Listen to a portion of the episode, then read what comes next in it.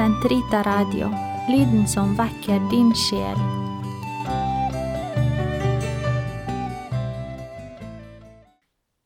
Den katolske kirkes katekisme, uke 18, paragraf 290 til 294.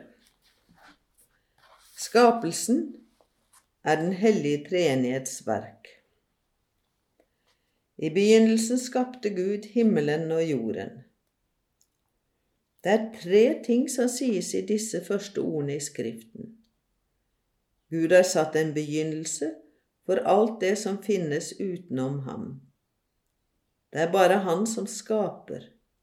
Verbet å skape, på hebraisk bara, har alltid Gud som subjekt. Alt som er til, uttrykt ved himmel og jord, er avhengig av ham som gir det å være. I opphavet var Ordet, og Ordet var Gud. Alt ble skapt ved ham, uten ham er intet skapt. Johannes 1, 1-3. Det nye testamentet åpenbarer at Gud har skapt alt ved sitt ord, sin elskede sønn.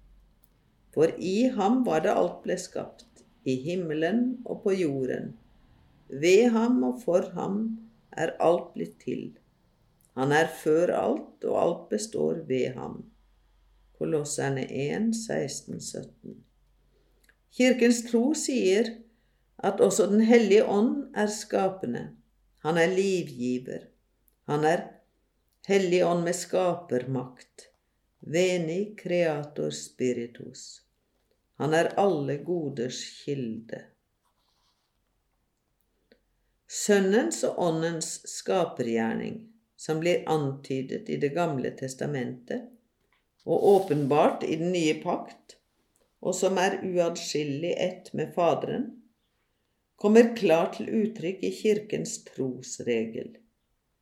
Det finnes bare én eneste Gud. Han er Fader, han er Gud, han er skaper, han er opphav. Han er forordner.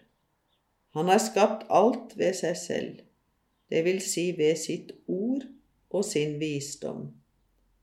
Ved Sønnen og Ånden, som er som hans hender. Skapelsen er Den hellige treenighets felles verk. Verden er blitt skapt til Guds herlighet og ære. Både Skriften og tradisjonen lærer og feirer til stadighet en grunnleggende sannhet. Verden er blitt skapt til Guds herlighet og ære. Gud har skapt alt, forklarer Sankt Bonaventura, ikke for å øke sin herlighet, men for å åpenbare og meddele den. Gud skaper ikke av noen annen årsak enn kjærlighet og godhet. Det er hans kjærlighetsnøkkel som åpnet hans hånd til å skape. Det første Vatikankonsil forklarer. Denne ene og sanne Gud skapte samtidig, ved tidens begynnelse og i full frihet, den åndelige og den legemlige skapning av intet ved sin godhet og allmektige kraft ikke for å øke sin salighet, og heller ikke for å oppnå fullkommenhet, men for å gi den til kjenne ved de goder han gir sin skapning. Guds ære er at denne åpenbaring og denne meddelelse av Hans godhet, som verden ble skapt med henblikk på, blir gjort til virkelighet. Å gi oss en plass som sønner hos seg ved Jesus Kristus.